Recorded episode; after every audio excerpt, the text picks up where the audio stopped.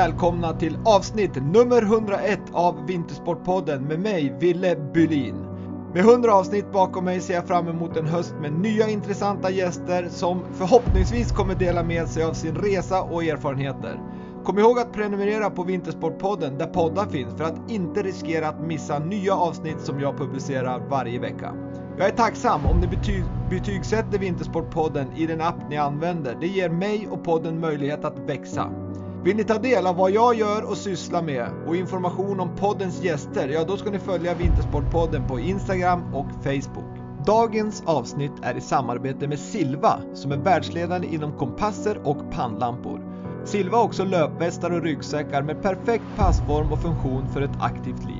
Silvas resa började 1933 då bröderna Källström lanserade den första vattenfyllda kompassen som satte en global standard för hur navigationsutrustning fungerar. Sedan 1935 har Silva fortsatt utveckla marknadens bästa kompasser för äventyrare och professionella användare.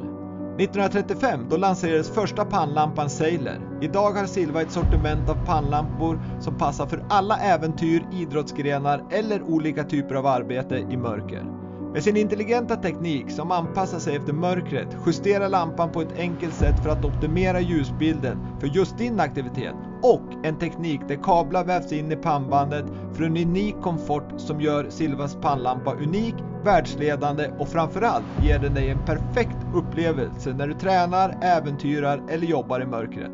För en ljus och trygg framtid i ditt äventyrande, sportande eller arbete, använd Silvas produkter för mer information om produkten besök www.silva.se och Brooks, The Running Company. Brooks grundades 1914 och är helt fokuserade på löpning. Det betyder att de har fullt fokus och lägger alla sina resurser på utveckling av löparskor och kläder som ger en perfekt löpkänsla och en härlig och rolig löpupplevelse. Nu när hösten är här är det viktigt att investera i bra löpskor och kläder som ger dig motivation för höstens löpning och som lyser upp i i mörkret. Brooks, de har en serie med bra reflexer som gör att du springer säkert och tryggt. Kolla efter Brooks Visible för en trygg, säker och skön löpupplevelse. Run Happy med Brooks, The Running Company.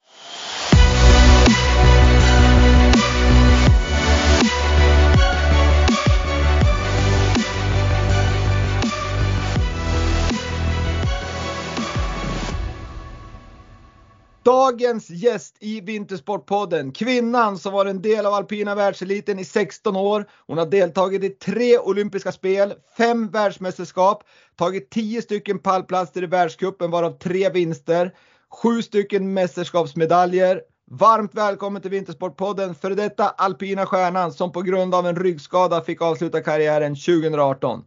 Maria Petele Holmner. Tack så mycket! Det är Vad coolt att det är härligt. jag som du beskriver. Vad sa du? Det där är coolt att det är jag som du beskriver. Ja visst är det det. Jag, jag, jag känner så här liksom att som idrottare är man ju uppe i liksom det man håller på med så väldigt mycket och, och just när man får liksom lite perspektiv på det och så får man höra vad man, det här är ju bara en del av vad du har åstadkommit naturligtvis, du har ju gjort mycket, mycket mer. Men hur känner du så här liksom när, när du hör sånt här? Är det, är det härligt och hann du njuta någonting av dina framgångar under karriären? Nej, men jag tycker med lite perspektiv så har man ju insett, eh, ja men precis som det du säger nu att wow, är det verkligen jag? Har man gjort det här? Eh, och samma sak också vilken, ja men vad man har gjort och vad man har lagt ner och när man är i det så är man så himla fokuserad och ser ju absolut ingenting mer än att man ska framåt och mera. Så att eh, jag tycker att det har varit härligt att jag ändå har varit borta från idrotten några år och fått perspektiv och faktiskt uppskattar sånt här mycket mer. Och känner mig stolt. Det är sällan jag säger det. Ja, men det ska man vara. Man ska vara stolt och man ska fira. Men samtidigt förstår jag liksom att ni är i Aspen ena dagen och nästa dag så är ni i Europa och, och du kanske har vunnit en tävling i Aspen och så ska ni flyga liksom en eller två timmar senare. Så att det är svårt att hinna med det där. Plus att som du säger att som idrottare och, och som jag känner dig Maria så är du en väldigt tävlingsmänniska och, och det innebär ju att man alltid kan bli bättre liksom och, och se liksom att det är lite svårt att njuta kanske av sina framgångar. Är det en rätt bild jag har? Absolut. Och jag tänker att det är ju också en, en sak som har gjort att man har, har fått de här framgångarna. Men samtidigt hade jag önskat att någon ibland kunde ruska om en och säga liksom stopp och hallå, stanna upp lite och njut. För det tror jag att många och eh, verkligen jag hade behövt. Ja, det tror jag också och det ser man ju på när man pratar med kloka människor och om det så är mentala rådgivare eller såna här eh, näringslivsexperter och så vidare så är det ju viktigt med, med eh, just att, att stanna upp, fira framgångar och sen gå vidare för att man liksom, ja men man ska dels få motivation och vilja och, och, och kunna vara uthållig i längden också. Ja, och jag tycker ofta gör man så analyser när saker har gått mindre bra. Vad, vad kan man göra bättre? Men man är jättedålig på att göra framgångsanalyser. Vad var det som gick bra? Vad ska man ta med sig och göra mer av? Så mm. det är ju någonting som man kan ta med sig ja, genom hela livet i olika saker.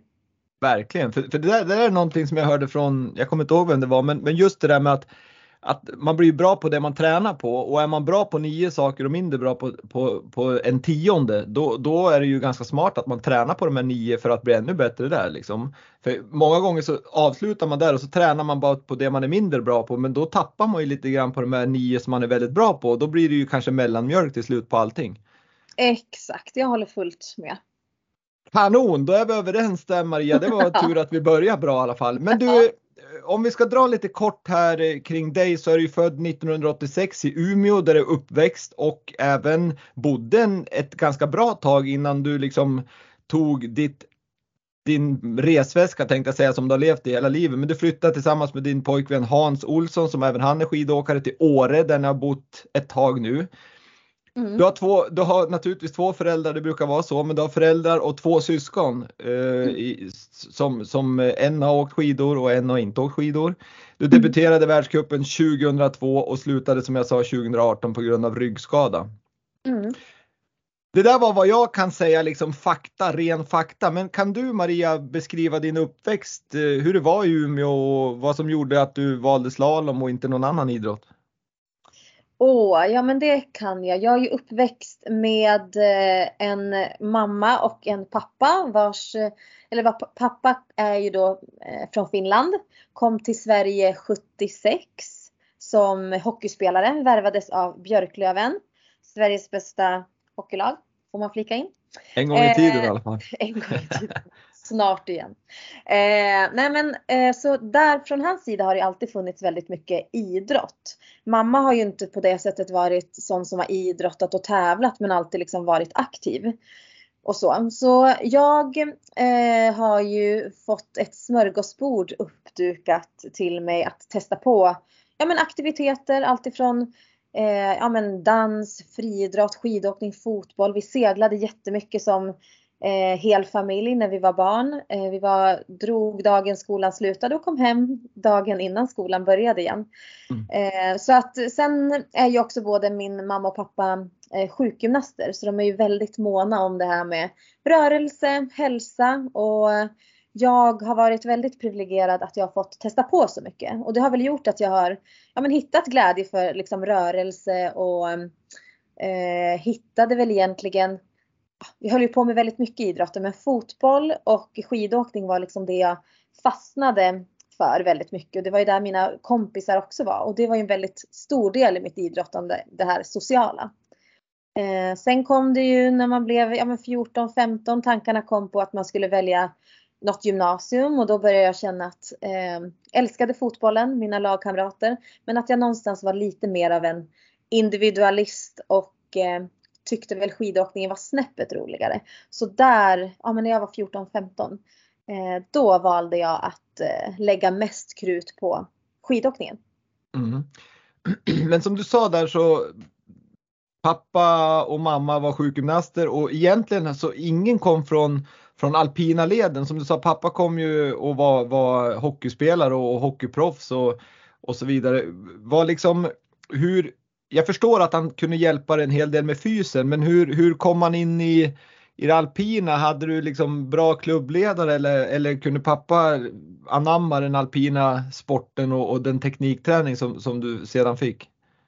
Ja, men alltså I klubben hade vi fantastiskt bra tränare som gjorde att jag tyckte att det här var väldigt roligt. Men egentligen varför jag kanske fick upp ögonen ännu mer och gjorde, vilket gjorde det ännu mer spännande var ju att eh, pappa jobbade ju tillsammans med eh, våran skiddrottning Anja Persson under ganska många år när hon var yngre. Så det gjorde att vi hade, ja, men hjälpte henne med lite fysträning och sånt, vilket gjorde att det blev några resor upp till Tärnaby. Mm. Eh, jag är ju då fem år yngre än Anja och får vara med och se någon så nära liksom satsa på att bli bäst i världen, vinna sin första världscup, vara med på träning. Det blev ju för mig väldigt, väldigt eh, häftigt. Och Anders Persson då lärde ju Eh, pappa väldigt mycket kring skidåkning, sånt som han inte hade någon aning om när det, ja, men det kom till teknik och skidor och allting sånt. Sen var ju vi ett gäng där uppe, ja men Jens Byggmark, Emmy Fjällberg, Samira Marmouch. Vi var många som tränade tillsammans. Och där var det ju, ja men föräldrarna hjälptes åt och eh, vi peppade och sporrade varandra. Så det var ju de här helgerna som vi åkte till Tärnaby som fick mig liksom att se att wow, det var liksom någonting, det fanns någonting mer där ute. Mm. Så på så sätt så, eh, pappa var ju också som en liksom, svamp som drog åt sig all kunskap och med en idrottsbakgrund så var ju han också väldigt ja, men, nördig på ett positivt sätt att ville lära sig. Och när, jag kan tänka mig också när man ser ens barn eh, tycka om det här. Min brorsa började också åka skidor så blir man väl extra engagerad och vill supporta på ett bra sätt.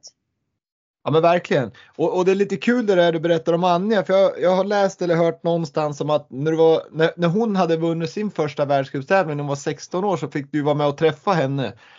Eh, I, ja, när din pappa var och träffade henne i, i, i jobbet om jag får säga så. Då. Men mm. hur, för det första, hur var det? Och så sen måste det ha varit lite speciellt att, att du har träffat Anja och, och, haft henne som en sån himla förebild. Sen var du helt plötsligt med i samma lag som henne. Hur, hur, var, hur var det då liksom?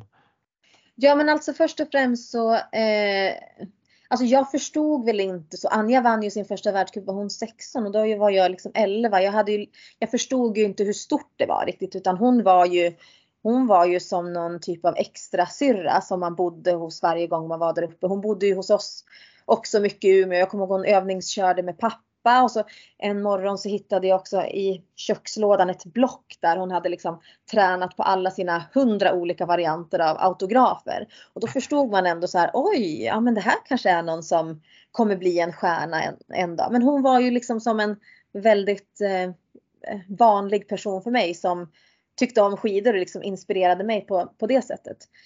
Så eh, det var väl också en liten trygghet att jag kände henne när jag kom med i landslaget. Eh, men samtidigt blir ju också relationen ja, men annorlunda på något sätt. Såklart vi hade supertrevligt och härligt men i ett landslag som är, där det är hopplockade personer som är väldigt duktiga på sin idrott. Reser runt, lever tillsammans, ska peppa och sparra varandra men ändå så är man konkurrenter. Det blir ju liksom mm. ett väldigt speciellt liv att leva. Eh, och där blir det också eh, ja, men man har sina medgångar, sina motgångar. Men det var en väldigt trygghet i början att jag liksom hade en person som jag, jag kände väldigt väl. Ja men det förstår jag och vi ska komma in lite mer på det där, på det där med lag och, och individualister och så vidare för det är ett ganska intressant område. Vi, vi ska ta det som, som en egen eh, lite mm. senare. Men, men en annan intressant eh, sak som jag tycker om man tittar generellt sett inom alpint du, du har ju liksom växt upp i, i Bräntberget i Umeå, en liten liksom som du kallar det soptipp som du såg mer eller mindre från ditt hus där du växte upp. Mm. Eh, tittar man också på andra åkare som, jag menar, tar du Frida och eh, lite grann André och, och, det finns fler som, som eh, liksom, ja, Jessica Lindell Vikarby som kommer också från ställen med små backar. Hur ser du på den? Är liksom, vad är anledningen till att det finns många som kommer från väldigt, väldigt små backar och blir väldigt duktiga världsartister liksom, inom alpint?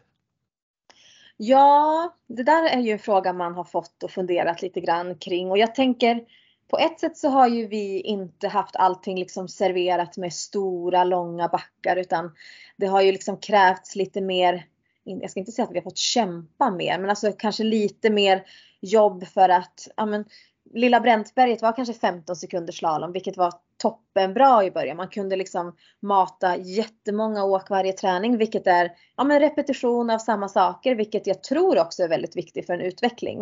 Mm. Men sen när man blev äldre, behövde lite längre, större backar så krävdes det ju också ja, men mycket resor. Eh, och där tror jag väl kanske att det fanns ja, men något extra driv och något, någon liksom extra glöd att jag vill verkligen det här.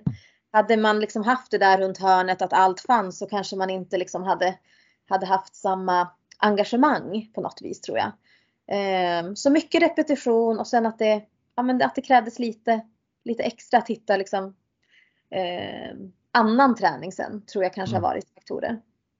Ja men det, det, jag, tror det ligger nog i det för, för någonstans så, så hann man ju med i de här små backarna att verkligen nöta på detaljer och skulle man träna på att hålla armarna högt eller stå mer på eh, ytterbenet i en sväng så, så hann du verkligen träna på det väldigt, väldigt många gånger under, under en kväll där på i Bräntberg. Så att jag, jag, tror också att det finns, det finns fördelar såklart. Men sen när man kommer upp i åldrarna så är det väl, då måste man ju som ta de här resorna och verkligen liksom eh, Ja men även om det är jobbigt så måste man ta de här resorna helt enkelt.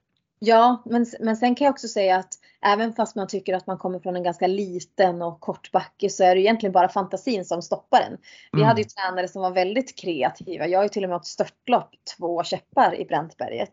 Mm. Så det går ju. Man kan bygga upp lite hopp och just att man också blir man får hitta mycket variation i träningen. Men jag tror just det här man pratar om att göra många repetitioner för att nöta in någonting och det har vi verkligen fått göra på den här lilla soptippen. En fantastisk soptipp. Och, och, det tycker jag är bra att du säger för det är någon, istället för att många kan säga att det går inte, det är för små backar, det är för lite tider så måste man liksom hitta den här liksom fantasin och kreativiteten och, och, och liksom hitta träningsmetoder med de förutsättningar man har. Det tror jag är väldigt viktigt istället för att säga att det går inte. Absolut, håller helt med. Mm. Men du Maria, det, det, är ju, vi har pratat lite om din uppväxt nu, men om vi ska gå in på Maria som sådan då, som person, så för mig så är du en väldigt liksom glad, hjälpsam och positiv tjej. Men har det varit så under hela karriären eller har det varit liksom dippar och, och tillfällen där du känner att fasiken vad håller jag på med och varför reser jag runt med de här människorna som jag inte vill vara med? Eller har det varit liksom glass och ballonger hela tiden? Nej men alltså jag har väl en sån inställning i livet att eh, se saker och ting från den ljusa sidan och jag tror gläd, liksom glädje i det hela gör ju allting roligare. Men någon som har, ja, man behöver inte hålla på och elitsatsa för det, men man vet ju att allting är en jäkla berg och dalbana, att det går upp och det går ner. Eh, och det gäller väl till att eh, lära sig saker på vägen. Eh, så självklart, det kan jag erkänna. Jag har känt att jag slutar här och nu och tycker att alla runt omkring en är skitknäppa. Eh, men det är sånt som man liksom reder ut ganska fort och eh, ger en några minuter så kommer man på godare tankar. Men eh, såklart, man, det är ett väldigt speciellt liv man har levt så ehm, man har stött på det mesta. Ja, jag förstår det. Men hade du några speciella liksom verktyg att när jag känner så här då ringer jag hem till pappa Tom eller brorsan Johan eller Hans eller någon eller hur, hur hanterar du det? Nej men eh, jag hade ju egentligen eller vi kan säga någonting som har varit utmanande under min karriär, vilket jag tror alla stöter på, det är ju den här nervositeten. Nervositet blandat med någon typ av, ja, ibland kanske lite så prestationsångest. Man vill väldigt mycket och ibland lite för mycket. Det här var ju också någonting som jag tyvärr, ett misstag från mig, uttalade till media ganska tidigt i min karriär och sen var det liksom någonting som jag fick leva med hela tiden. Som de alltid mm. skulle ställa frågor om. Jag blev den här nervösa. Liksom, skulle det här mentala hålla? Och jag tror att den personen eller den idrottaren som inte känner någon typ av nervositet. Jag tror att de är ganska få. Sen visar man det på olika sätt och jag är också en sån person som jag är ganska känslostyrd och ärlig och rak och säger väl vad jag känner och tycker. Ehm, men där, där fick jag ganska tidigt, ehm, eller tog hjälp av eh, idrottspsykolog och eh, tack vare det här så fick jag jättegoda verktyg hur man kunde liksom kanalisera energi och eh, att nervositet var okej okay och ja, men hur man skulle kunna vända på saker och ting. Ja, men goda verktyg att ta hjälp av. Så det är ju någonting som jag var jätteglad att jag kom i kontakt med. Någonting som jag också känner att det skulle jag kanske ha gjort lite tidigare. För det är ju, det, det är ju en väldig balansgång det där, för jag tror att många idrottare som, som lyckas bra, de har ju någon form av prestationsångest, för det är lite det som driver dem också. Men samtidigt måste de ju kunna hantera det för att liksom ändå få en, en, en tillvaro som är okej okay att leva för man kan ju inte liksom leva med prestationsångest vad man än ska göra. Så att, håller du med mig där att det är en liten drivkraft också att, att ha den där liksom prestationsångesten? Ja gud ja och som elitidrottare och vilja vara bäst i världen så lever man ju liksom i perfektion. Allting ska vara perfekt. Men mm. sen när det är att man står på start, det kanske immar lite glasögon för att det är lite tårar där. Man önskar att en sån här godisleksaksarm bara kommer och lyfter en därifrån. Jag menar då har man ju fokuset på fel ställe någonstans. Men då gäller det att man liksom där och då kanske har några verktyg ta fram. Att ja, men mm. fokusera på tre tekniska saker eller inte springa iväg liksom, i huvudet och fundera på vad det ska stå på skylten när man kommer ner. Eh, och sen även tänker jag att förut så tror jag man tänkte det här mental träning och en coach, det är bara om man har problem. Men mm. oj vad man också kan stärka saker som redan man är bra på. Precis som vi sa i början, är man bra på nio grejer, ja men då kan de bli ännu bättre och så kan man strunta i den här tionde. Och det är mm. det jag tänker att eh, det är ju det man ska använda det till och eh, inte bara göra saker, alltså saker som är jobbiga, eh, att de blir okej okay, utan även bra saker ännu bättre. Precis. Men, men jag vet ju själv att du är en extrem tävlingsmänniska. Det, det, har du ju själv beskrivit och jag har själv upplevt det. Mm. Eh, och om, vi har ju pratat liksom, oftast får ju extrema tävlingsmänniskor någon form av prestationsångest, så det brukar ju vara så. Men vad skulle du säga liksom just att du är som tävlingsmänniska? Vad skulle du säga är positivt och vad har varit negativt med, med just den biten? Men jag tror för mig har det blivit en, ja men en drivkraft Alltså jag känner att jag, jag nöjer mig liksom för väldigt lite utan jag kan bättre, jag kan bättre. Och det, det har väl liksom det som har drivit mig eh, framåt. Sen också att det har hjälpt mig lite grann att ja, men tagga till när, när det behövs. Jag kan ha varit sån som på träning åker runt och är ja, två, tre sekunder efter tränarna har då tänkt att herregud, ska vi ens ta ut henne till en tävling?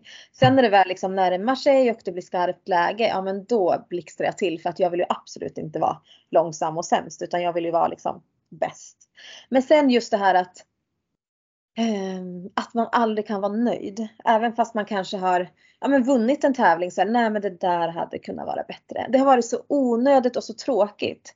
Det tycker jag väl har liksom, jag har varit det har kanske gjort att jag varit för hård eh, mot mig själv. Och det är väl någonting som jag känner att vad fasen, det hade du faktiskt kunnat göra bättre. Tycka att du liksom, ja men klappa en på axeln och känna att bra Maria. Jag tror att det hade kunnat göra mig faktiskt ännu bättre. Så det är väl den negativa biten.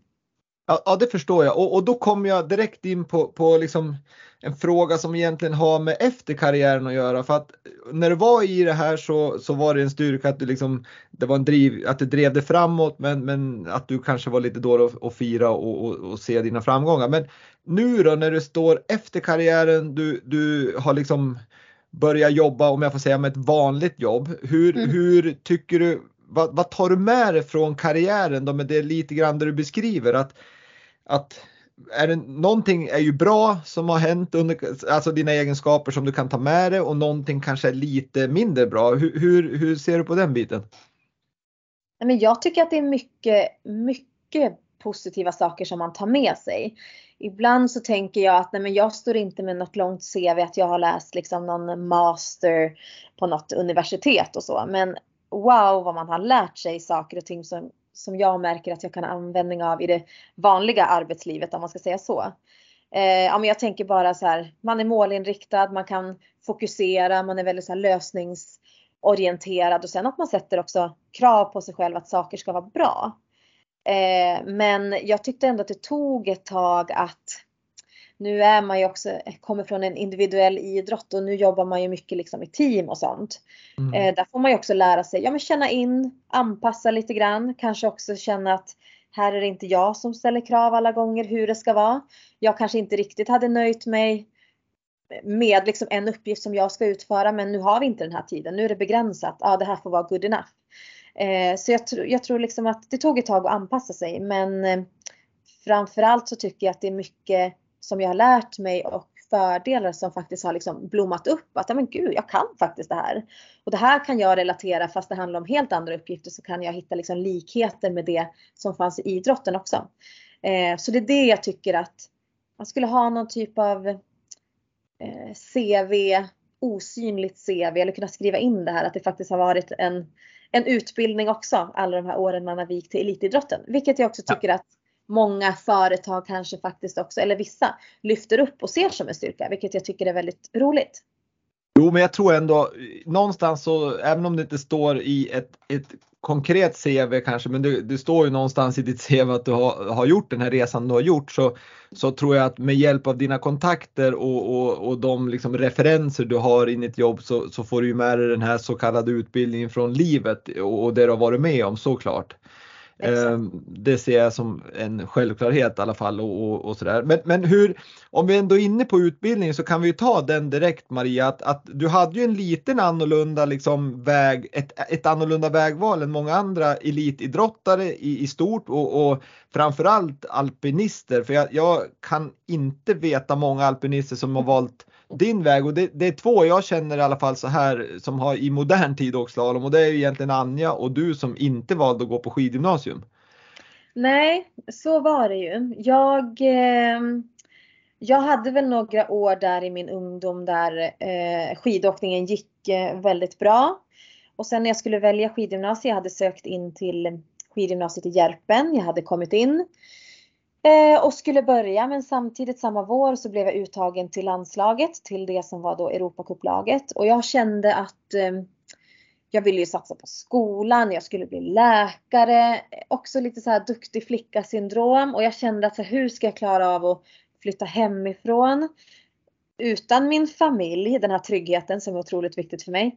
Eh, ja, men laga mat, städa, fixa och vara ute och resa och prestera och skola. Det blev liksom för mycket i mitt, eh, mitt huvud att få ihop när jag ändå liksom ville bli ja, men, bra både i skolan och bäst i världen med skidor. Så mm. därför valde jag, istället för att börja i Järpen, så valde jag att eh, fortsätta att gå på eh, min gymnasieskola, Minerva-skolan hemma i Umeå som eh, hade ett bra upplägg för mig. Så där eh, började jag gymnasiet i alla fall. Och sen blev det inte riktigt som så att du, du tog inte studenten som vanliga där vid 19-20 års åldern utan Nej. du åkte ganska mycket skidor vilket har lett till att du nu efter, när du är i, i dagens ålder så har du väl börjat ta någon form av student och jag vet att du pratar om att åka flak. Har du fått åkt flaken? Du, det har jag gjort. För eh, förra sommaren eh, förra sommaren, eller två år sedan. Nej, förra sommaren. Då eh, läste jag eh, in mina sista poäng och eh, inrullandes kom ett flak med en studentskylt, studentmössa, musik och ett jäkla firande. Så att jag har gjort den delen fast jag var då 34 när det där hände. Så att eh, det är gjort och jag tror aldrig att jag har känt mig så lätt lättad och så stolt över att jag faktiskt eh, liksom slutförde det där. Jag kommer ändå från en väldigt akademisk familj där utbildning är viktigt. Och jag mm. vet när man ska fylla i så här enkäter, vad är din högsta utbildning? Och jag skriver grundskola. Det liksom skär någonstans i hjärtat. Så att nu har jag läst klart eh, gymnasiet och eh, gått ut med bra betyg som ger mig möjlighet att eh, kunna liksom välja fler vägar i livet sen. Så att eh, jag har alla möjligheter och det har varit väldigt viktigt för mig att liksom kunna ge mig själv de möjligheterna för att eh, jag har ingen aning vad jag, vart jag vill ta vägen i livet framåt heller. Nej, för jag, jag, tänkte just komma till den frågan att alltså om vi pratade tidigare om att du har den här härliga liksom skidutbildningen och livsutbildningen på ditt CV. Men, och vad var det som gjorde liksom att man vid 34 års ålder vill, vill avsluta eh, studier och liksom och ta, och ta en examen så sent? Är det just att du vill ha möjlighet att kunna plugga på universitet och eventuellt hitta din, din eh, passion här i livet lite framåt eller? Ja, men jag tror att för mig handlar det om att göra saker ordentligt. Det har alltid varit jätteviktigt för mig. Börjar man med någonting så avslutar man det. Så det här har liksom varit en liten sån här ångestpuck som har levt med mig vidare. Eh, så att ja men dels kände jag att jag ville avsluta det. Många frågar ju mig men tror du att du kommer behöva det här? Mm, jag har ingen aning. Men står jag där en dag och känner att ja men jag vill bli läkare. Då ska jag kunna söka in till läkarlinjen och eh, förhoppningsvis kanske ta mig in på något sätt där. Så att mm. jag, eh, jag kände att jag ville liksom inte stänga några dörrar. Eh, även fast det var lite kämpigt de här Eh, sista året och sitta och läsa in saker och ting. Men det har varit eh, väldigt värt det. Eh, stoltheten är stor i alla fall. Ja men det förstår jag och jag har sett dig in action också när du har suttit och läst om historia och religion och allt vad det är så det, det är väldigt imponerande att du gjorde det ändå på senare dagar när, när, andra jobbar tänkte jag säga och har varit i arbete ganska länge så att det var ju det var fint att se Maria. Men du, jag tänkte en, en annan fråga som jag tycker är intressant i, i just det här när vi, när vi pratar om, om om din karriär och så sen nu kommer vi in på där du är just nu. Vi ska prata lite om din, din roll på Svenska skidförbundet numera. Men, men innan det så skulle jag vilja liksom ställa frågan nu när du har haft din karriär, du har reflekterat några år på vad som hände och vad som inte hände. Men vad skulle du nu som, eh, vad blir det, 35-åring eller vad är du? Du, du är mer? Jag är 36 Wille. Du är 36 år, herregud. Men som 36-åring, ge för råd till 16-åriga Maria om, om du fick liksom backa bandet då? Ja, eh, dels så skulle jag säga till mig själv att det är inte så allvarligt. Det känns ju också som ett litet konstigt råd för när man väl är där och då så tycker man att det är blodigt allvar. allvar. Eh, nej, jag skulle känna, säga så här, slappna av, ha kul på vägen eh, och våga våga liksom känna att man är nöjd. Jag var inne på det här jättemycket innan men det blir så lätt att man blir så hård på sig själv. Eh, kanske lite väl, väl hård och eh, ja men det är lite onödigt. Mm. Sen också så tror man ju när man är ung så att det är bara resultat som räknas och det som liksom faktiskt syns i resultatlistor. Sitter jag här idag med ja, men fyra år sedan jag lämnade karriären så tittar jag ju tillbaka på eh, ja, men så mycket annat. Vänner man har skaffat, eh, alla spännande äventyr man har varit på, saker man har fått uppleva. Det är liksom det som fyller min minnesbank mest än just de här siffrorna. När du räknar upp i början medaljer och sånt, ja men såklart jag är superstolt över det. Men det är liksom inte det jag skulle lyfta fram eh, som mest. Så att det skulle jag nog säga att eh, inte bara fokus på prestation utan eh, det är en mycket en annan väldigt härlig resa att ha med sig också. Och det tror jag, det, det är du inte ensam om att säga faktiskt för att det, det är klart att det är jättekul att vinna och, och fina liksom medaljer och pokaler och allt vad det är. Men, men jag, jag tror ändå, när, när, precis som du säger, när du, när du minns tillbaks det här när du sitter på ålderdomshem där du, där du bor när du är 90 år eller 100 år så, så, så tror jag att det är just den här glädjen och, och alla otroligt fina vänner du har haft och, och, fått uppleva så mycket. Vi som har varit nere i Europa och i Alperna och i ja, men alla fina ställen. Det är ju liksom ja, det du har fått uppleva. Det är, det är många som är avundsjuk på just upplevelsen.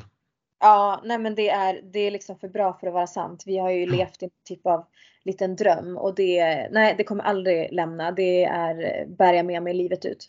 Mm. Men du Maria, jag, jag, jag lyssnade på en annan podd här när jag satt och researchade dig och, och, jag vet att du var en god vän med Maria, nej med Matilda Rappaport som dessvärre gick bort i en lavinolycka i, för några år sedan och, och då sa du att du och din pojkvän Hans liksom bestämde er på något vis att nej men nu jäklar, nu ska vi leva livet. Mm. Livet är för kort för att inte leva livet om man säger så då. Mm. Men vad är leva livet för dig Maria? Ja, alltså jag och eh, min kära Hans, vi är ju eh, Eh, väldigt olika på ett väldigt härligt sätt. Jag är ju gärna att jag ligger långt fram i framtiden, jag ska planera, ha koll. Lite dålig på att liksom njuta här och nu. Och det är ju Hans fantastiskt bra på. Och se allt det positiva och eh, ja, njuter. Så att ehm, eh, egentligen i den här vevan när vi är inne på Matilda då, så flyttade vi upp till Åre. Eh, vi bestämde oss där och då för vi hade velat lite grann. Ska vi bo kvar eller ska vi flytta? Och vi ville köpa hus och nej det där dög inte. Och, men då kände vi att nej vi vill det här. Vi älskar att bo här.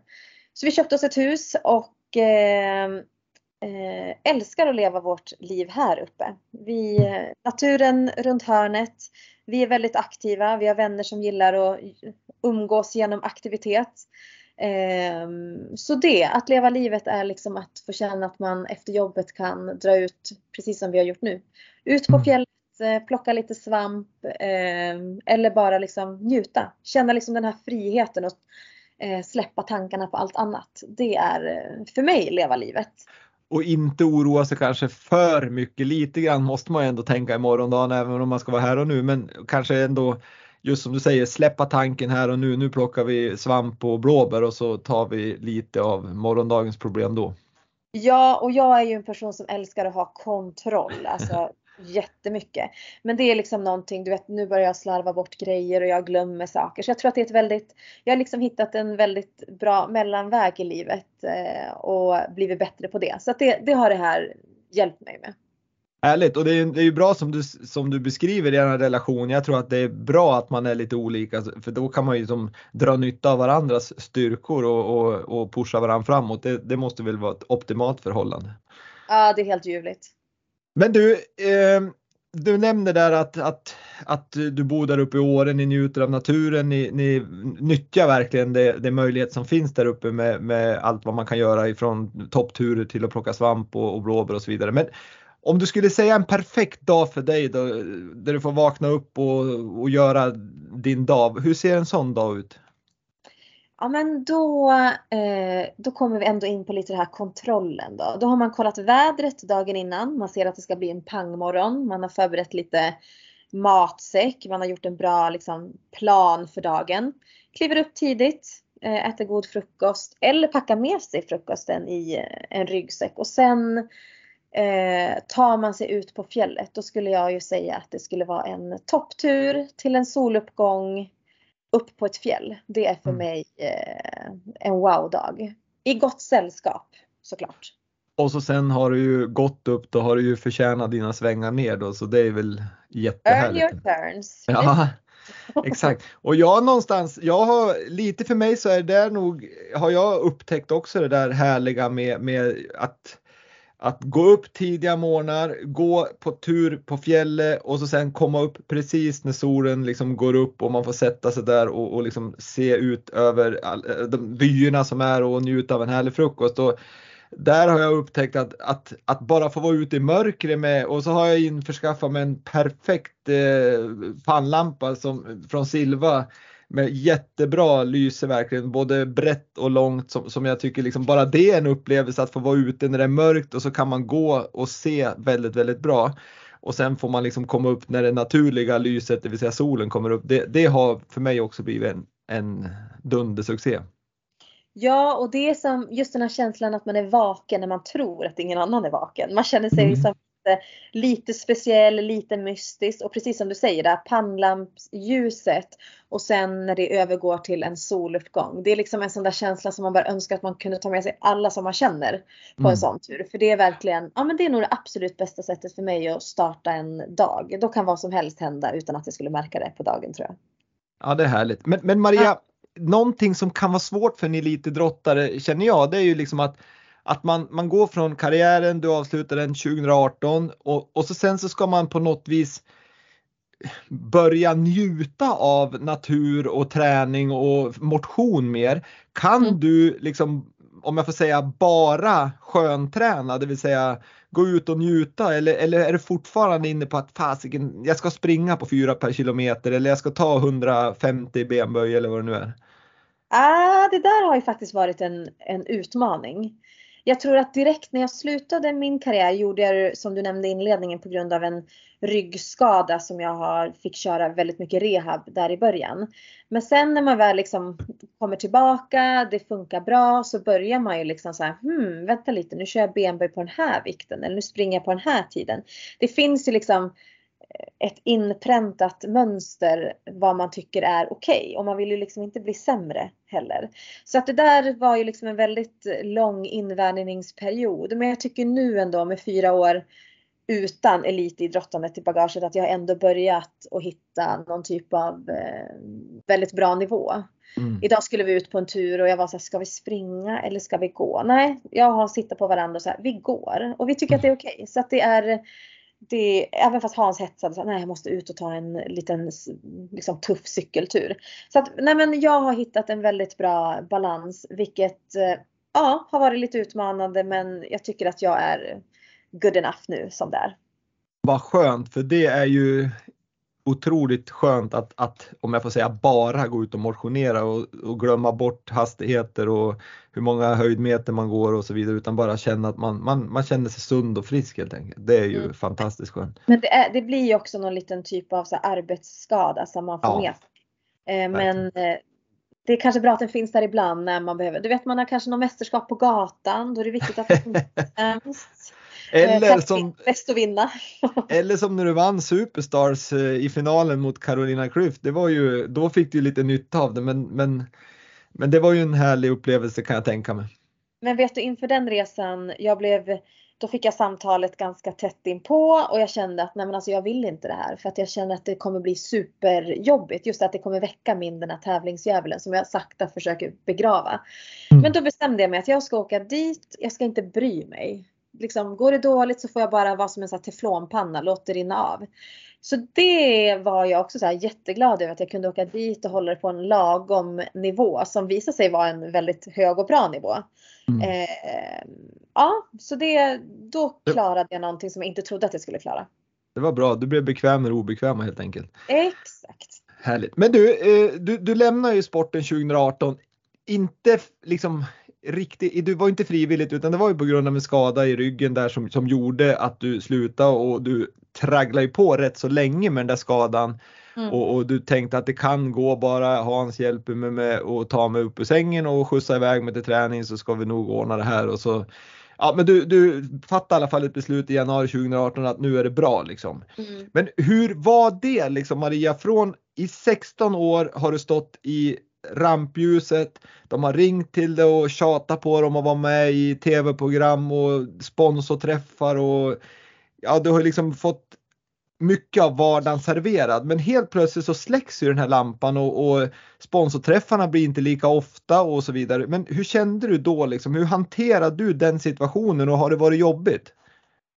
Nej men alltså jag har hela tiden under min karriär varit väldigt noggrann med att eh, eller jag ska säga inte hela. Jag hade en tränare som upplyste mig om det här ganska tydligt att det är viktigt att kunna skilja på skidåkaren Maria eh, och den privata Maria. Så det har jag eh, varit liksom väldigt noggrann med. Tittar jag tillbaka på, ja men Eh, det är inte så att jag och mina liksom, vänner har snackat massa skidåkning hemma. Även fast Hans också varit inne i skidvärlden så det har vi inte diskuterat så mycket hemma. Och mamma och pappa, där var det också en regel. Man pratade inte om skidåkning när man kom hem första liksom, dagarna. Sådär. Även så sociala medier, jag använde, även fast de inte var liksom, lika stora då, nu låter det som jag är jättegammal här, men det har liksom, jag har inte använt dem till att lägga ut att wow idag vann jag eller idag åker jag på den här eh, grejen utan jag har, det har varit jätteviktigt för mig att kunna vara en Maria utan liksom skidåkningen. Vilket gjorde att jag, ja men jag kände även fast att slutet inte riktigt blev som jag hade tänkt med att jag fick sluta på grund av skada så kändes det som Jag var supernöjd med det jag hade gjort. Jag hade liksom verkligen kört in i kaklet ordagrant så. Ehm, så nej men jag var jättenöjd och jag kände att eh, nej. Ehm, jag hade längtat efter det här liksom andra livet och tyckte inte att det blev, blev en jättejobbig eh, omställning ändå. Och det gläder mig att höra för det, det, är många som har liksom jobbigt med det där just att, att man inte riktigt skiljer på personen och prestationen utan man blir samma sak och då blir det ganska jobbigt liksom när, när när det kommer nya stjärnor och, och lamporna släcks liksom, då, då står man där ganska liksom, vad fasiken händer nu då? Men jag tycker även under min aktiva karriär det här att men såklart att alla mår ju bra av någon typ av bekräftelse och när det går bra. Alltså det är ju så att man njuter av det. Men jag har aldrig varit den här personen som har liksom, eh, liksom älskat att stå och glänsa i det och hej här kommer jag, liksom jag är en stjärna. Det har liksom inte varit min stil heller. Men såklart att det blir en stor omställning när man så vaknar en morgon så ha, vad ska man göra idag? När man tidigare har vetat att klockan sex kliver man upp, klockan halv sex är det liksom första träningspasset och så vet man vad man gör varenda timme. Jag mm. vet till exempel första dagen när jag liksom gick runt i morgonrock här hela dagen så kände jag så här, men vad har jag för mening här? Och såklart att de tankarna kommer och vad vill man och det startar någon typ av så här, vem är jag? Sådana tankar. Men där har jag liksom ändå känt mig ganska trygg i det. Och jag har väl, ja, såklart man måste tillåta sådana tankar komma och fundera lite grann. Men jag tror att det är naturligt. Men det är inte någonting som har liksom tagit över och eh, gjort att jag har varit liksom deppig, längtat tillbaka utan jag kände, jag kände att det var dags för en ny tid och jag välkomnade den väldigt varmt. Mm. Ja, och, och, det som jag sa, det gläder mig väldigt mycket. Men, men efter karriären i alla fall, då, då bestämde du liksom, du sa väl till dig själv att, att du inte skulle hoppa på honom, för jag misstänker ju där att man kan få lite frågor från ja, men mm. skidförbund om man ska vara med i om man kan vara med tränare eller stötta några ungdomsgrupper och så vidare. Men där bestämde du väl lite, eller ganska snabbt att du skulle vänta ett tag så du fick lite perspektiv och kanske fick suget tillbaks till skidåkningen. Men, men efter ett tag där så blev du i alla fall expert på SVT eh, i Vinterstudion och du satt i, i, i studion rätt så ofta och berättade hur de gjorde rätt och hur de gjorde fel och varför de inte åkte fort och så vidare. Eh, men inför förra året om jag inte misstänk, om jag inte säger helt fel nu så, så valde du att tacka nej till att förlänga det avtalet med, med SVT och, och valde istället att hoppa på en, en tjänst på Svenska skidförbundet. Mm. Och, Nej, jag, och, och, hur kommer det sig liksom? Jag tänker dels att, att att vara expert på SVT det är ju en ganska som fin, fin kvitto på att de tror på en och att man kan sin sak och, och så, sen är ju det lite av, av det här äh, som vi pratade om att, att där är man ju upp i rampljuset igen och man blir liksom igenkänd och så vidare. Men, men du valde skidförbundet framför det. Ja men precis som du säger, jag valde liksom efter jag var klar så ville jag fokusera på mig själv. Dels hade jag en, rehab att göra och eh, jag behövde eh, fokusera på annat. Men sen fick jag faktiskt direkt några månader, eller egentligen månaden efter jag hade slutat så var det ju ett OS då 2018. Så då började jag egentligen, jag jobbade för Discovery på det OSet. Mm. Eh, sen kom frågan från SVT och Eh, såklart att man blev väldigt glad och smickrad över det och eh, antog eh, den utmaningen vilket var så här sitta live varannan helg. Eh, lite läskigt eh, men väldigt bra skola och eh, trevliga kollegor som lärde mig otroligt mycket. Eh, så jag var väl på SVT tre, kan det vara tre år? Ehm, vilket var väldigt, väldigt roligt. Men jag kände också att rollen att Ja, men dels så kände jag att jag kunde förmedla väldigt mycket om idrotten som jag nyligen hade varit i. Alltså ge vinklar som jag tyckte att publiken där hemma verkligen behövde veta. Eh, och att det var en fördel att jag kände många som var aktiva och kunde, ja men hade bra kontakter som jag tyckte att jag kunde använda på ett, ett bra sätt. Eh, men sen, eh, ja rampljuset var ju kanske aldrig riktigt min grej sådär. Det var inte därför jag satt där. Och sen började jag känna att liksom rollen att tycka till och liksom kanske att man ibland behövde vara lite skarp i sitt tyckande och så. Jag kände att det är inte är riktigt jag. Eh, plus att jag kände att här, jag hade suttit där. Ibland var jag stressad att åh, jag missar en fin helg hemma i Åre. Mm. Lite som eh, rädd att missa allt det fina. Nej, men jag kände ja. att jag var ganska, ganska klar med det. Jag tyckte att jag hade fått förmedla eh, Eh, väldigt mycket bra. Sen kommer man ju liksom eh, tre år ifrån sporten så det händer ju jättemycket och när man inte är ute och reser och nära så kände jag liksom, jag är inte superuppdaterad. Då finns det de som har slutat liksom senare som kanske hade den möjligheten att göra det. Så jag kände att jag, ehm, nej men jag var klar med det. Eh, jätteroliga år, lärde mig mycket så att jag Egentligen hade jag bestämt mig ett år innan att jag var färdig men så kom frågan. Äh, jag tyckte att det var väldigt kul så att jag, jag fortsatte liksom ännu ett år. Eh, och jag hade faktiskt inte fått frågan från skidförbundet när jag tog det här beslutet. Så att jag gick en sommar och funderade vad jag skulle hitta på och så. Och sen fick jag ett samtal från eh, Ola Strömberg på skidförbundet. Eh, Generalsekreterare? Precis och frågade om jag inte, det var en roll som förbundskoordinator där Eh, tjejen som hade det, den rollen skulle på föräldraledighet. Eh, och jag spelar ganska svår, nej. Nej men jag har ju sagt innan när man var aktiv så jag ska aldrig jobba på skidförbundet, nej. Men eh, såklart att det där var väldigt så här, smickrande och lockande och eh, med lite perspektiv så får man ju också lite Alltså jag var ändå lite nyfiken på skidförbundet. Hur funkar det? Och sen också att det var en roll som var väldigt, alltså förbundskoordinator, då jobbar man också övergripande över alla skidförbundets 11 grenar och att det var liksom, ja men en snabb kurs i väldigt många olika delar. Så jag kände att det här skulle vara en, ja men ett år med väldigt lärorikt eh, jobb. Så att efter många möten tillsammans med Ola så kände jag att nej men jag tackar ja till det här. Eh, och det är jag väldigt glad för att jag gjorde. Ja men det förstår jag och, och, som jag känner dig Maria så tror jag du gör ett jobb som är väldigt, väldigt bra. Jag, jag ska, vi ska komma tillbaks till den rollen. Jag måste bara ställa en fråga kring det här med, med expert på SVT för jag tycker du gör en väldigt sund eh, reflektion där liksom att, att nej men du, du, du velar helt enkelt inte ta den här liksom vad ska jag säga, kritiska rollen kanske och, och, och känner, du känner dig inte liksom behaglig i den rollen. Men, men jag, jag tänkte säga det när, när du sa att du, du kunde nyttja dina liksom, kontakter inom det alpina, du kände åkarna och så vidare. Det måste ju säga ha varit väldigt svårt också för att att gå liksom och kritisera de man faktiskt har levt med och, och kanske liksom åkt med tillsammans. Det, det, är ju lite svårare faktiskt att, att sätta sig upp mot det. Var det liksom när du höll på, var det en, en svår känsla ju, även då liksom? Ja men alltså, och nu kanske så här, att vara kritisk kanske är att jag använder fel ord men ändå liksom se saker från olika vinklar. Nu är jag en person som gärna ser saker från liksom den positiva sidan. Hans här hemma är alltid så här, men hur kan du vara så positiv? Jo men man ska ha förståelse, bla bla. Men jo men det, det där var ju också som en väldigt, eh, där fick man ju, det var ju en, eh, vad säger man, en känslig eh, vågskål där hur man skulle använda. Jag sätter ju på otroligt mycket information som man heller inte kan säga rakt ut i en livesändning utan man måste, då vet jag att jag bränner lite broar åt olika håll. Men samtidigt så sitter jag och måste vara proffsig mot SVT och verkligen berätta och förmedla liksom den rätta bilden. Eh, så att det var ju såklart lite ja, men lite svårt, eh, lite utmanande. Men samtidigt många gånger kunde man ju också fråga, är det okej okay att man berättar det här eller okej okay att man inte berättar det här? Och där handlar ju allting liksom om ett, om ett förtroende.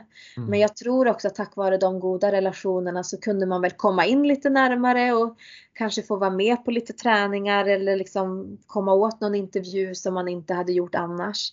Eh, men där tyckte jag också att SVT var var väldigt duktiga och hjälpsamma och liksom guidade på ett eh, bra sätt. För det är ju speciellt att komma in sådär och det har ju de full förståelse också. Men jag tyckte att det, det funkade bra. Ehm, men det är svårt när man också liksom vet när man själv har varit åkare. Hur ja. det kan vara utmanande med, med media också. Ja men det förstår jag och jag, jag, jag, jag, jag förstår din sida och så förstår jag liksom SVTs sida för någonstans vill ju, alltså det hela bygger ju lite grann på att vara lite kritisk och sticka ut hakan och, och berätta liksom saker som man tycker och tänker. Och, och, när, man, när inte du klarar av eller du vill inte göra det då, då blir det såklart en svår situation för jag misstänker att de vill ju ha lite som, ja men de vill ju skapa en viss debatt ändå så att det blir ett, en, en intressant sändning på något vis. Ja och därför var det jättebra att vi var, under min tid var vi ju tre stycken experter så där kunde vi alla ha lite olika, vi kunde mm. hjälpas åt att ja men jag kunde kanske se det ur ett åkarperspektiv, någon kunde se det ur ett tränarperspektiv, någon kunde se det liksom med andra ögon. Så jag mm. tyckte att vi hade en väldigt liksom, bra mix där med mycket erfarenhet och eh, liksom, att man var insatta i olika olika ämnen så. Så att jag tyckte att det, men det var liksom mer en känsla jag bollade med mig själv att ah, ibland känner man sig inte helt bekväm. Men eh, samtidigt som du säger, det är jätteviktigt att lyfta saker från olika håll, vilket jag absolut inte hade några problem med. Men jag kände så här där och då att nej men eh, jag har gjort det här, jag har förmedlat det jag kan och eh, nu finns det säkert många andra som kan göra det på ett bättre sätt än mig. Yes. Men här då på skidförbundet så är du ju koordinator och du hjälper förbundsdirektör eller generalsekreterare Ola Strömberg med, med hans sysslor och du har 11 grenar som, som ni håller på att rodda i.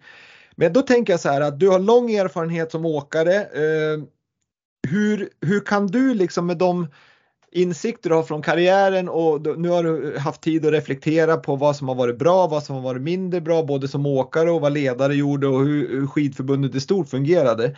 Hur, hur liksom kan du och ska du kliva in i någon form av roll att ge, liksom vara lite mentor till de olika grenarna och, och ledarna som verkar där?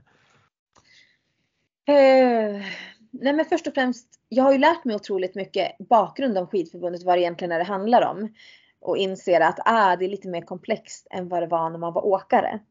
Eh, sen så, jag tror inte att jag hade kunnat kliva in i en roll och vara så pass nära sporten. Utan jag tror att det var jättebra att jag har fått ett så bredare perspektiv, lärt mig mycket och sen få jobba med andra grenar eh, också. Det har varit eh, väldigt spännande och lärorikt. Sen som ja men såklart att det har kommit frågor att man ska liksom, ja men kanske inte rena tränarfrågor så, men andra sådana lite närmare stöttande grejer. Men jag känner att eh, ehm, det kanske inte passar helt eh, rätt i det jag känner att jag är redo för just nu i alla fall.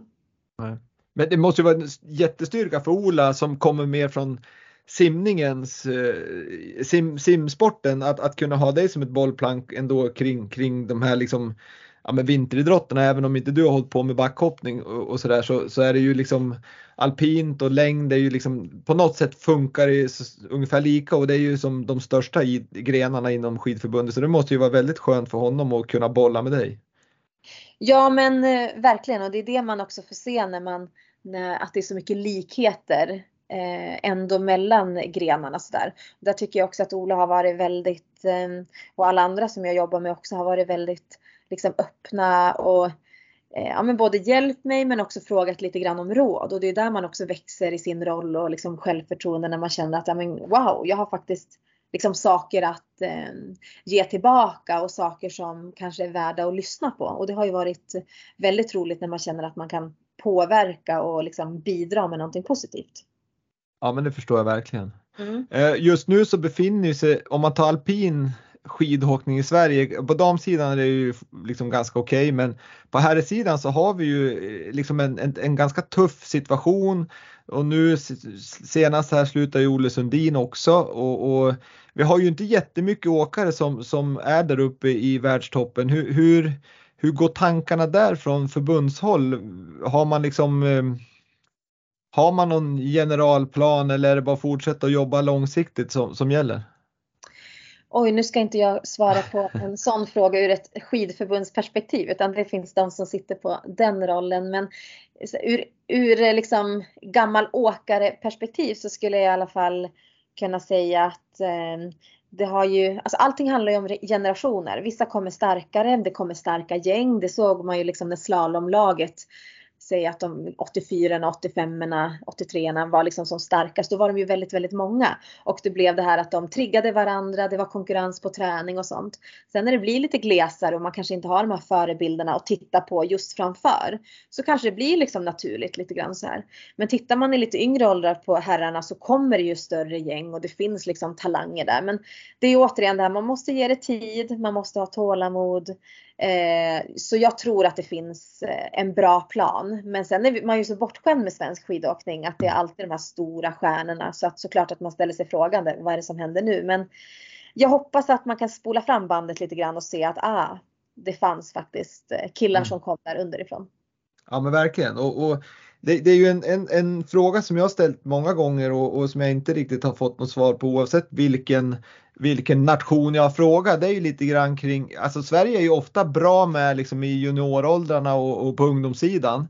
Sen mm. händer det ju någonting där för Norge har ju inte, tror jag, nu kan jag inte exakt hur mycket åkare, men jag tror inte de har fler alpina åkare än vad vi har, men de lyckas ju få det där ändå att de får fler i senioråldern, liksom, även om kanske vi har varit bättre i ungdomsåren och junioråren. Det är frågan om vad som händer där på något vis. Mm. Det är en intressant jag, fråga. Ja, det är en väldigt intressant fråga som jag tror att många sitter och klurar på och tänker på.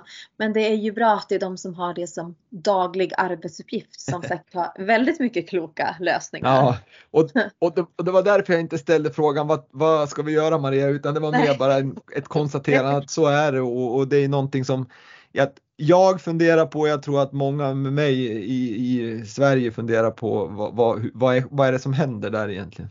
Ja, och jag skulle bara vilja skrika till alla killar som funderar på att börja med alpint och tjejer för den delen att det är, man har möjlighet att leva världens eh, härligaste liv liksom och skapa en gemenskap och minnen och sånt även fast man inte kanske åker världscup och blir absolut bäst i världen. Så att jag, ja, jag tycker att alpint är en väldigt fin idrott att hålla på med och skulle rekommendera den och det som är fint också med den sporten faktiskt det är ju att, att det blir ett livslångt, eh, eh, någon form av kärlek för att man, man, när man bildar familj sen så, så är det verkligen en idrott som alla kan göra tillsammans. Man kan åka alla backar och man kan stanna och fika och ha det väldigt, väldigt härligt. Även om man inte blir världsmästare så kan man få en världsmästaraktivitet för familjen.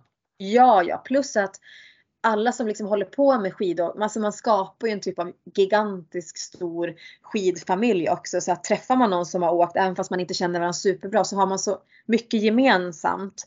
Eh, och det är ju en väldigt, väldigt eh, härlig känsla. Det är liksom, ja, det skapar väldigt starka band. Yes.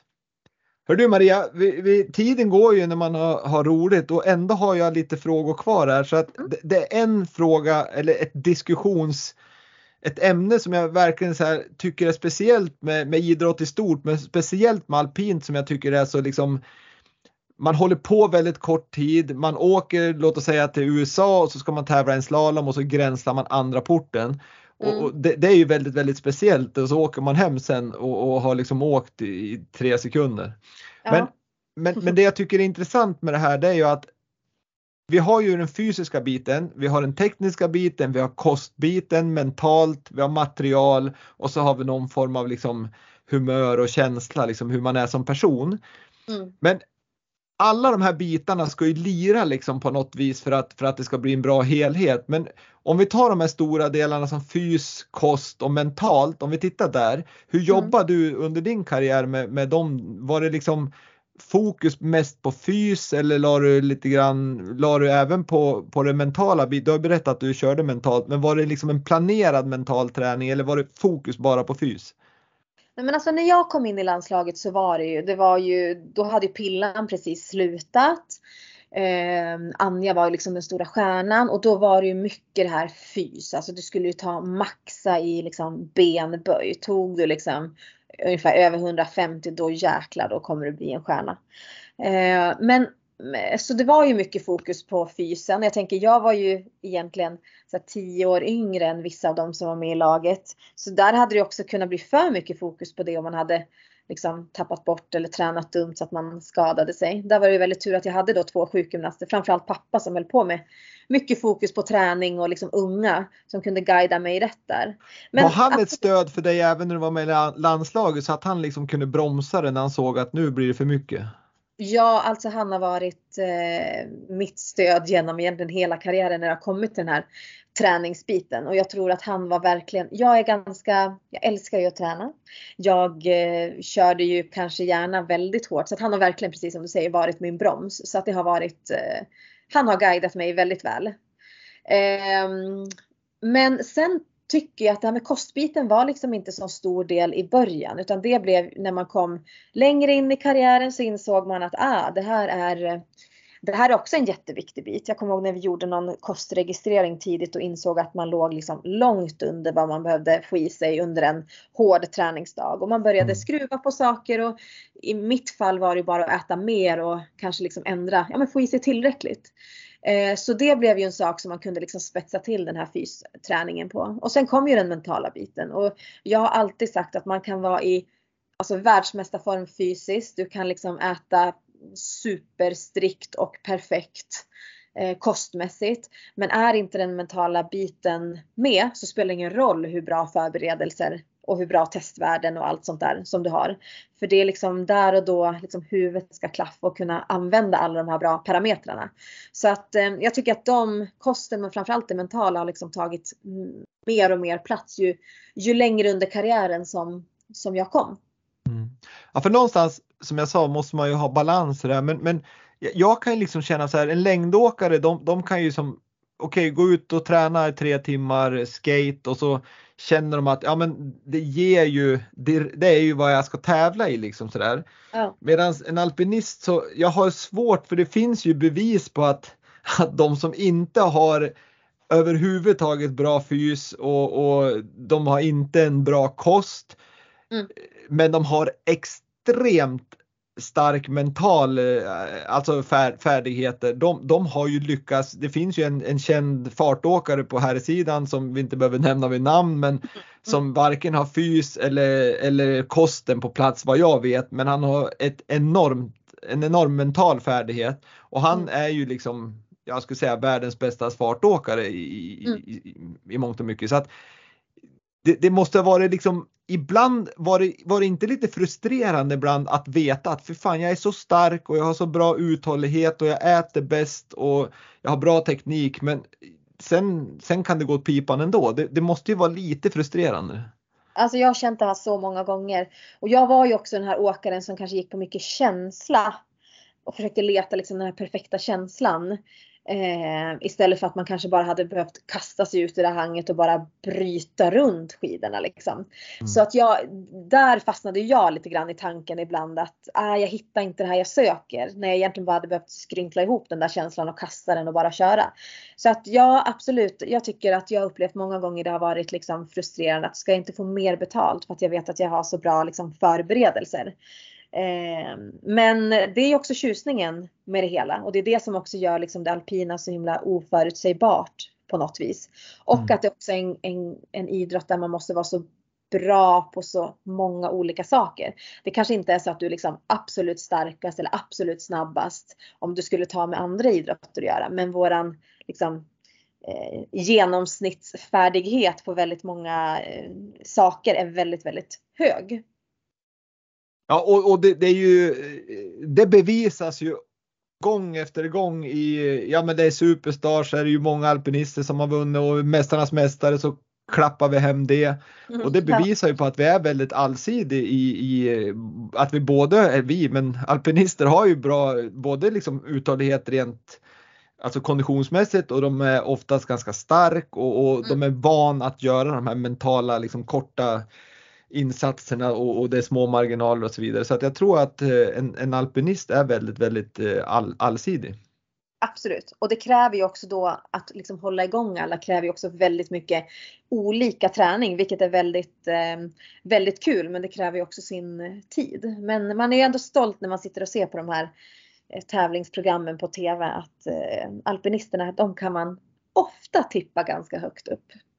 Men, men jag tror jag, ju mer jag funderar på det alpina och, och just den här liksom de här eh, vad heter det, det, det vi nämner här med fys och teknik och kost och mm. mentalt och så vidare. Mm. Ju mer jag tänker på det desto mer slår det mig liksom att hur, hur viktigt det är med, med, ja, med det mentala och kunna göra det liksom slappna av och, och, och ha roligt och, och, verkligen liksom kunna fokusera på, på just sitt åk och liksom inte liksom dra på sig den här prestationsångesten och så vidare. För att jag, jag, tror att någonstans då får du ju ut all din fys och att du har förberett dig med kost och så vidare och, tekniken och så vidare. För, för, att om du är låst där i tankarna med, med, med allt vad det nu innebär då, då får du ju inte ut någonting av det. Nej, och det, det är liksom det rådet jag ger till många som man ändå kommer lite närmare och prata med. Att, och det behöver inte vara, återigen som jag säger, man behöver inte ha problem och känna att ah, jag har jättejobbigt med nervositet. Utan stärk de sidorna som redan är bra så att du blir ännu bättre. Eller hitta de sidorna som du är bra. Och jag menar, det, det går jag runt och funderar än idag. Gud, jag skulle vilja ha en livscoach ibland som bara coachar en om saker. För det, är ju, det behöver inte vara idrott det handlar om utan det kan ju vara liksom privatliv, jobbliv eller vad som helst. Eh, att man alltid, det finns saker man kan bli bättre på, saker man kan utveckla. Så att det, oj, det har så mycket saker, alltså inverkan, det här mentala. Och det är lite tjus, eh, en tjusning också. Ja men precis som man jobbar proaktivt med, med fysen så ska man jobba proaktivt med mentalt. Att, att som du säger, det behöver inte vara för att man mår dåligt eller att man tror Nej. att man behöver hjälp utan jobba med det så, så, så kommer ni få ut mycket, mycket mer av allting annat. Det, det är bra medskick Maria. Ja. ja. Men nu när vi ändå är inne på, på liksom, vad ska jag säga, lite mentala men, men gruppdynamik och så vidare så sa jag tidigare i podden att vi skulle prata lite grann om just laget och så sen en individuell idrott. Ni var nu säger jag tio tjejer och fyra tränare och några servicemän som åkte runt, runt, runt världen och det var 2 till 250 resdagar per år. Ni tävlar ganska få minuter av de här 250 dagarna ändå, eh, mm. eh, där ni är individuell. Men, men hur lyckas man knyta ihop det här med tre eller tio säger vi individualister, tjejer som, som liksom har förmodligen tio olika viljor och tio olika behov av individuellt upplägg. Hur, hur jobbar ni med, med den biten? Alltså där skulle man nästan kunna göra någon typ av dokusåpa om tror jag. Det är väldigt intressant att följa. Men det har ju alltid varit, alltså det är inte så att jag valde mina tio bästa polare att åka ut och liksom resa livet runt med. Sen har jag haft en otroligt tur att vi har varit ett fantastiskt gäng som har varit. Men alla är väldigt olika, alla är där för att vinna. Man klaffar inte på alla nivåer. Men där måste man ju också lära sig acceptera att alla är olika, se liksom till varandras eh, behov. Sen också faktiskt kunna lära av varandras olikheter. Men eh, det, alltså, det kan du själv sätta dig in i en situation när man delar rum med en som har vunnit, säg att det är ett OS, en har vunnit och en kanske var favorittippad inför och har blivit fyra eller kört ur. Alltså det blir en ganska svår, man ska glädjas med de andra men samtidigt är man superbesviken. Och ska man då också titta in i tränarens roll, hur man på ett möte sen ska liksom oh, fira men ändå oh, ta hand om de som är lite deppiga. Snacka om, det är väldigt utvecklande och eh, lärorikt. Eh, men det är egentligen det som har varit men, en ganska stor tjusning genom den här karriären också. Och även fast man, ja men det finns ju de man har gått liksom hand i hand genom hela karriären och de man har haft liksom lite mer, alltså man är lite mer olika men man kommer ju varandra otroligt nära och man känner ju varandra alla sidor ungefär. Det är ju nästan så att man, man spenderar liksom fler nätter tillsammans med de här tjejerna än vad man gör med den man har valt att dela resten av livet med. Så att eh, det har varit en väldigt eh, lärorik och häftig upplevelse och jag tror faktiskt att det här som Alltså, svenska laget har ju alltid haft ett rykte om att vi har liksom god sammanhållning och styrka och kan göra varandra bättre och det håller jag verkligen med om. Även fast om man går in och liksom letar så klart att det har funnits liksom tuffa stunder och intriger och sådär. Men eh, ja, det har varit läckert ändå. Men ni måste ju ha jobbat ändå med vissa så här värdegrunder att, att, att som du säger, det, det är ju liksom det ultimata problemet är att en har vunnit OS-guld, en var favorit, kom fyra eller körde ur och så ska man dela säng. Mm. Och så skiter den ena och går på prisutdelning för att den inte vill se den andra få medaljen. Alltså jobbar ni, hade ni övningar för att liksom, nej men gå på prisutdelning, det gör allihopa. Allihopa säger grattis när det var möten. Alla gläds med den som har vunnit och stöttar den som har förlorat. Hade ni sådana liksom ja, övningar eller var det naturligt och självklart att det skulle vara så? Alltså jag tror vi är ju, vi har ju alltid varit liksom en, ett klokt gäng personer och har förstått att det är sunt förnuft att man gör det. Eh, även fast man kanske har behövt sina minuter och bara äh, bryta ihop och vara superdeppig. Eller vara glad i smyg. Liksom. Eh, men, men vi har ju haft perioder under min karriär när vi har haft en person inne som verkligen tydligt har liksom pratat om värdegrunder. Vi pratade alltid om att vi hade ett hjul som vi fyllde med liksom sex olika ord. Varje gång det kom en ny person in eller lämnade någon så behövde man liksom förnya det här hjulet och bara påminna. Eh, och det tyckte jag var någonting som jag tyckte var jättebra för då blev det också att man skapade en miljö där det var okej okay att lyfta problem eller men vi har kommit överens om det här och nu upp, eller liksom lever vi inte efter det. Vad, vad händer? Och det var det lättare att prata om saker så jag tror att det är faktiskt jätte jätteviktigt i en sån här grupp att man lägger lite, lite tid på. Eh, även fast man kan tycka att ah, vad är det här, det gör oss inte bättre. Men jag tror att det är väldigt, väldigt viktigt att också skapa en miljö där, där alla trivs och vet faktiskt att det finns lite spelregler. Absolut. Kloka ord Maria. Du, den jag, har, jag har två frågor kvar och, och, vi kan svara ganska kort på, den här, på de här eh, frågorna även om det är en komplicerad och, vi skulle kunna ha tre avsnitt bara kring de här frågorna. Men, men, vi kan hålla oss ganska kort till, till, till svaren här. Men om du nu skulle ge tips till, eh, då säger alpina eller ja, skidungdomar idag som är 10 år, vad skulle det vara? Då skulle jag säga att eh, strunta i att eh, bara åka en massa bana och käppar utan ut och kör lite i skogen, ut och kör lite i parken, hoppa hoppa.